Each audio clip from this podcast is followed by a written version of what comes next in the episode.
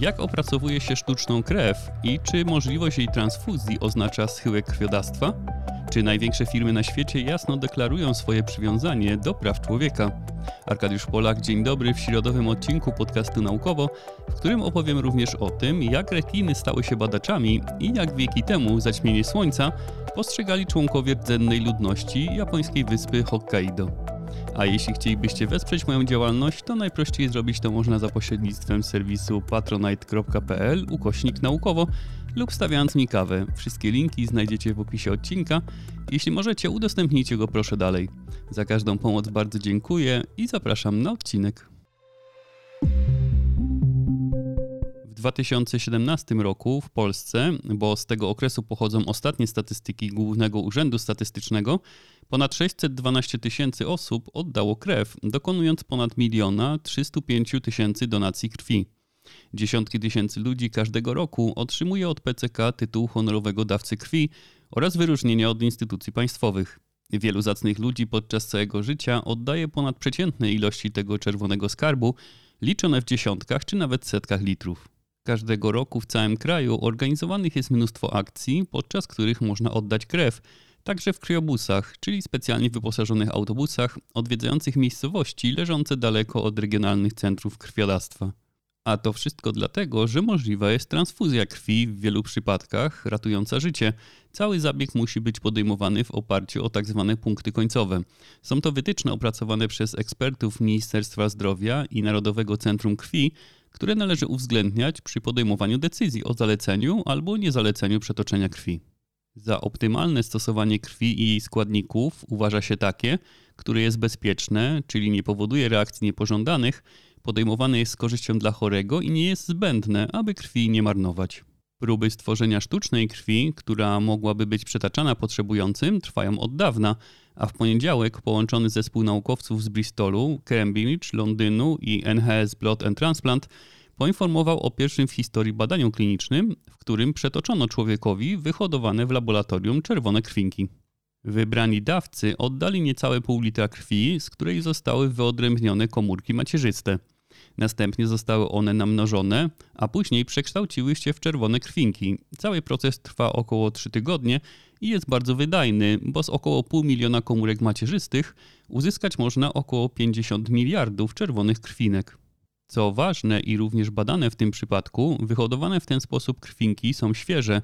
Sprawdzane jest zatem, czy będą działać lepiej i żyć dłużej niż krwinki w standardowo oddanej krwi, która zawiera komórki w różnym wieku. Jeśli to się potwierdzi i tak wyhodowane komórki krwi dłużej utrzymają się w organizmie pacjenta, to potrzebujący transfuzji nie będą wymagali tak częstych zabiegów jak do tej pory, a to może ograniczyć skutki uboczne transfuzji.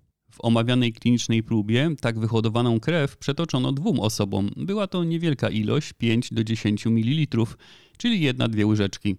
Krew taka została oznaczona substancją radioaktywną, aby można było badać jej zachowanie w organizmie biorców.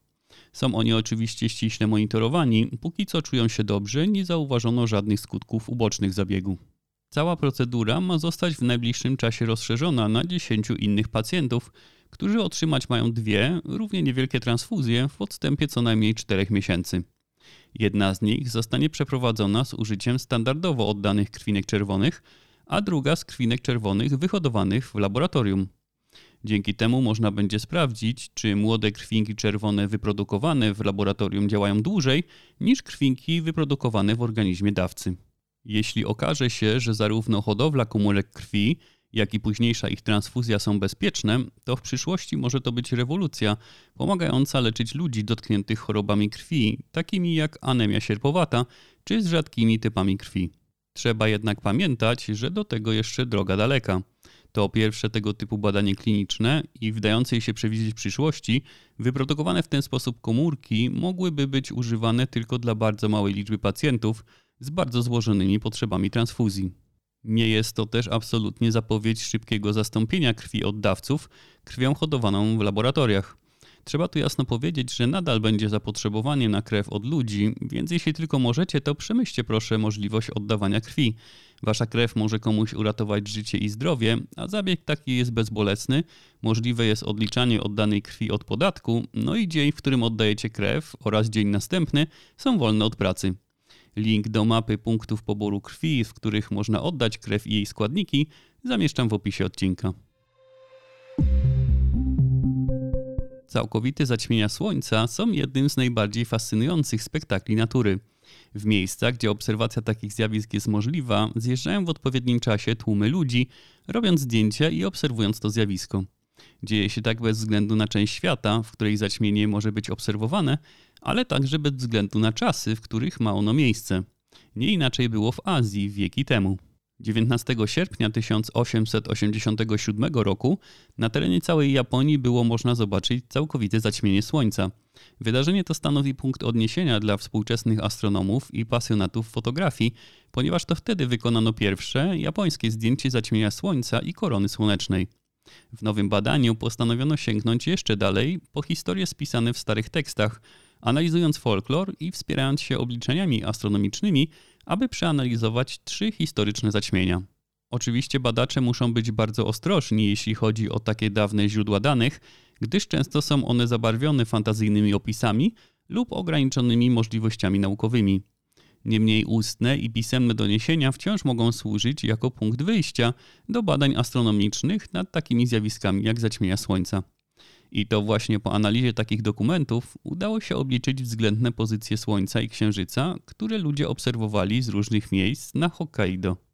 Tokunai Mogami był japońskim urzędnikiem i odkrywcą, człowiekiem wykształconym studiującym matematykę, astronomię, geodezję i ekonomię. Będąc uczestnikiem wypraw na wyspę Hokkaido, nawiązał kontakt z lokalnym kupcem, który opowiedział mu o wydarzeniach z 30 stycznia 1786 roku. W dzień Nowego Roku niebo nagle zachmurzyło się i stało się jak ciemność. Z tego powodu lud Ainu zrobił wrzawę i bardzo mocno wykrzykiwał okrzyki bojowe Utakę. Miejsce i data z historycznej relacji oraz współczesna wiedza astronomiczna i odpowiednie obliczenia pozwoliły ustalić, że kupiec był świadkiem głębokiego, częściowego zaćmienia Słońca, ale nie tylko on. To samo zjawisko zaobserwowano na Okinawie, co odnotowano w oficjalnej historii ówczesnego królestwa Ryukyu. Przez zaćmienie przełożono pewne rytuały, które miały się w ten dzień odbyć. Jest to pierwszy opisany przypadek jednoczesnych obserwacji częściowego zaćmienia Słońca zarówno na wyspie Hokkaido, jak i na Okinawie. Niemal wiek później, w czerwcu 1872 roku, na Hokkaido znów obserwować można było zaćmienie.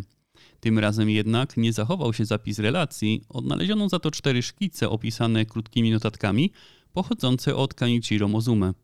Były to cztery kółka, na których zamazano poszczególne etapy zaćmienia wraz z krótką notatką wspominającą o oświetlonych na żółto trawach, lasach i glebie. Mimo to ten unikalny zapis zaćmienia wypełnił lukę w danych, która istniała dla obserwacji japońskiego zaćmienia z 1872 roku, ponieważ współcześnie możliwie było ustalenie przebiegu zaćmienia z dokładnością co do sekundy. Jednak najciekawszy był trzeci analizowany przypadek zaćmienia, sięgnięto bowiem do folkloru i przekazywanych ustnie opowieści. John Batchelor był anglikańskim misjonarzem na Hokkaido i 19 sierpnia 1887 roku sam obserwował zaćmienie słońca. Co więcej, obliczył wcześniej czas tego zjawiska i przygotował się do obserwacji, wytwarzając poczernione okulary, przez które pokazywał miejscowym zjawisko. Ale w swoich zapiskach przytoczył też ustne relacje, pochodzące właśnie od rdzennych mieszkańców ludu Ainu, który zamieszkiwał wówczas Hokkaido. Kiedy mój ojciec był dziadkiem, usłyszał, jak jego stary dziadek opowiadał, że jego dziadek widział całkowite zaćmienie słońca. Ziemia stała się całkiem ciemna, a cieni nie można było zobaczyć. Ptaki poszły do grzęt, a psy zaczęły wyć. Czarne, martwe słońce wystrzeliło ze swoich stron języki ognia i błyskawic, a gwiazdy świeciły jasno. Wtedy słońce zaczęło wracać do życia, a twarze ludzi nosiły wyraz śmierci. I gdy słońce stopniowo ożyło, wtedy ludzie zaczęli żyć ponownie. Sama ta relacja nie pozwalała od razu ustalić, gdzie i kiedy nastąpiło to całkowite zaćmienie, gdyż żadna z tych informacji nie została jednoznacznie w opowieściach podana. Ale autobiografia Bachelora wskazywała, że jego miejsce zamieszkania w latach 1886 do 1891 znajdowało się w Chorobetsu.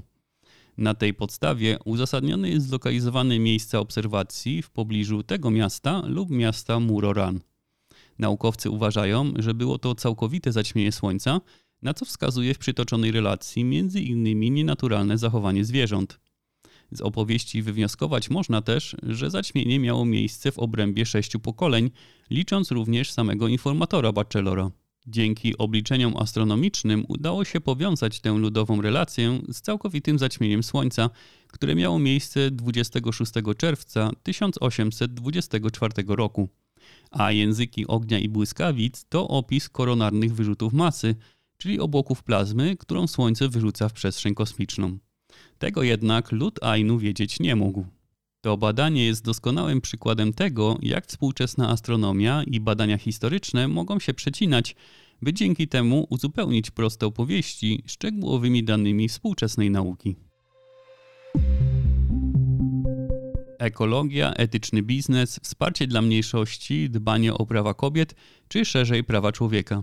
Piękne idee, które niosą na sztandarach największe firmy na świecie, pokazując swoim klientom, jakie są wspaniałe i dobre, zatem to właśnie od nich warto kupować. Ten stek bzdur wraz z reklamami kształtuje społeczny obraz największych korporacji. Wydawane są na to ogromne pieniądze w budżetach marketingowych. Coraz więcej świadomych konsumentów zauważa tę politykę i to, że największe firmy przykładają swoją rękę do niesprawiedliwości i wyzysku, o czym świadczyć może rosnąca liczba domniemanych naruszeń praw człowieka przez wielkie korporacje. Rośnie krytyka klientów, rośnie też ilość regulacji prawnych, które zobowiązują przedsiębiorstwa do podjęcia i raportowania działań w zakresie ich zaangażowania w prawa człowieka. Nie ulega wątpliwości, że to poszczególne państwa są i będą głównymi podmiotami, na barkach których spoczywa odpowiedzialność i obowiązek ochrony praw człowieka. Oczywiście różnie z tym bywa.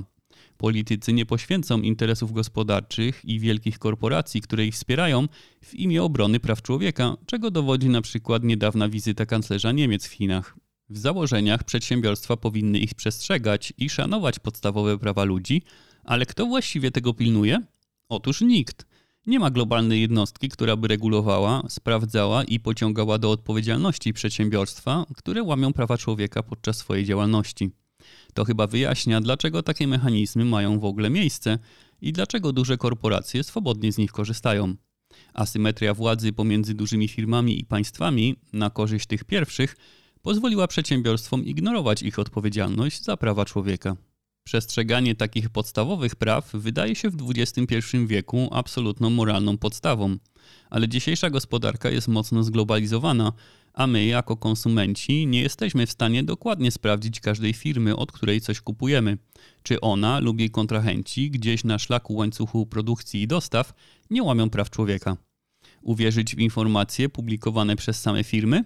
Wątpliwa wiarygodność korporacyjnych oświadczeń raczej to uniemożliwia, o ile w ogóle firmy podają takie dane. Grupa naukowców z Niemiec i Stanów Zjednoczonych postanowiła sprawdzić, w jakim stopniu największe przedsiębiorstwa informują o swoim zaangażowaniu w prawa człowieka i leżących u podstaw tego zaangażowania czynnikach. Analizie poddano firmy z listy Fortune Global 500. To 500 największych, według przychodów za rok 2017, globalnych przedsiębiorstw. Zespół przeanalizował zarówno zakres, jak i jakość działań w zakresie praw człowieka dokonywanych przez firmy na podstawie 13-punktowej listy kryteriów.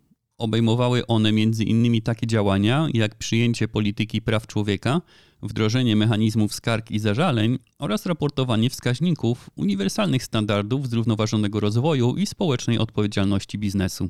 Wyniki badania pokazują, że globalny poziom przekazywania informacji o prawach człowieka przez przedsiębiorstwa jest bardzo niski. Przedsiębiorstwa uzyskały średnio tylko niecałe 4 na 13 punktów. Analiza badaczy ujawnia, że tylko 12% z największych 500 przedsiębiorstw na świecie zgłasza kwestie praw człowieka jako wyjątkowo dla nich istotne. 28% firm przedstawiło publicznie dostępną politykę lub oświadczenie dotyczące praw człowieka, a 34% zadeklarowało swoje zaangażowanie w przestrzeganie wytycznych ONZ dotyczących etyki i praw człowieka. Widoczne są też pewne różnice między firmami. Przedsiębiorstwa, które uzyskały najwyższą punktację, mają w większości siedzibę w Europie i Australii. Aż 26% największych korporacji uzyskało w badaniu okrągłe 0 punktów, a większość z nich ma siedzibę w Chinach i Stanach Zjednoczonych. Jeśli chodzi o poszczególne branże, 0 punktów w badaniu uzyskało nieco ponad 26% przedsiębiorstw w sektorze finansowym i prawie 18% w sektorze energetycznym. To wszystko sugeruje brak świadomości korporacyjnej, zaangażowania i wrażliwości na prawa człowieka, a przypomnę, że analiza nie sprawdzała, jak faktycznie te prawa są przestrzegane. Badanie dotyczy jedynie przekazywanych informacji o tym, jak globalne firmy podchodzą do praw człowieka. Dążenie do minimalizowania kosztów i nieustannego wzrostu zysków oraz prawo nie potrafiące nadążyć za rozwojem technologii i globalnych firm, plus państwa nie potrafiące egzekwować tego prawa, nie malują pozytywnego obrazu przestrzegania praw człowieka w dzisiejszym skomercjalizowanym globalistycznym świecie. Czy warto chronić trawę? Tę na naszych trawnikach kosimy na potęgę, ale ochronie podlega trawa rosnąca w morskich głębinach. Nazwa trawa morska określa ogólnie około 60 różnych roślin, które skolonizowały Ocean 70 do 100 milionów lat temu, docierając tam z lądu, a większość z nich występuje w płytkich wodach przybrzeżnych, zapuszczając swe korzenie w piaszczystym lub błotnistym dnie. Dlaczego są dla nas tak ważne? Trawy morskie tworzą gęste, podwodne łąki, które należą do najbardziej produktywnych ekosystemów na świecie. Przede wszystkim zapewniają siedliska i pożywienie dla życia morskiego. Z tego powodu porównać je można do raw koralowych. Ale poza tym trawy morskie wychwytują i trwale magazynują ogromne ilości węgla, przyczyniając się do pochłaniania każdego roku około 17% całkowitego węgla organicznego. Warto chronić tak cenny mechanizm, ale aby to robić, potrzeba przede wszystkim informacji na temat rozmieszczenia i zasięgu podwodnych łąk. Nie wiemy niestety, jaką globalnie powierzchnię zajmują morskie trawy, a więc nie jesteśmy w stanie ocenić, ile węgla zaabsorbowały. Największy znany do tej pory ekosystem trawy morskiej zajmuje 40 tysięcy km2 między kontynentem australijskim a Wielką Rafą Koralową i został odkryty dopiero w 2009 roku. A przecież Wielka Rafa Koralowa jest intensywnie badana od 1975 roku. Niestety badanie dużych połaci oceanicznego terenu to znaczne wyzwania logistyczne i ogromne koszty finansowe związane z wykorzystywaniem nurków do robienia zdjęć na dużych obszarach morskich. A może zamiast nurków użyć zwierząt? Na przykład żółwi albo nie, rekinów tygrysich, pomyśleli badacze i wcielili swój pomysł w życie. Osiem rekinów wyposażono w lokalizatory, ale siedem innych dostało kamery, w tym kamerę 360 stopni. Po raz pierwszy w historii umieszczono ten rodzaj urządzenia na zwierzęciu morskim. Rekiny ochoczo wzięły się do pracy, łącznie przemierzyły 4177 km w tempie nawet 50 km dziennie, często na głębokościach, które dla ludzkiego nurka byłyby niedostępne.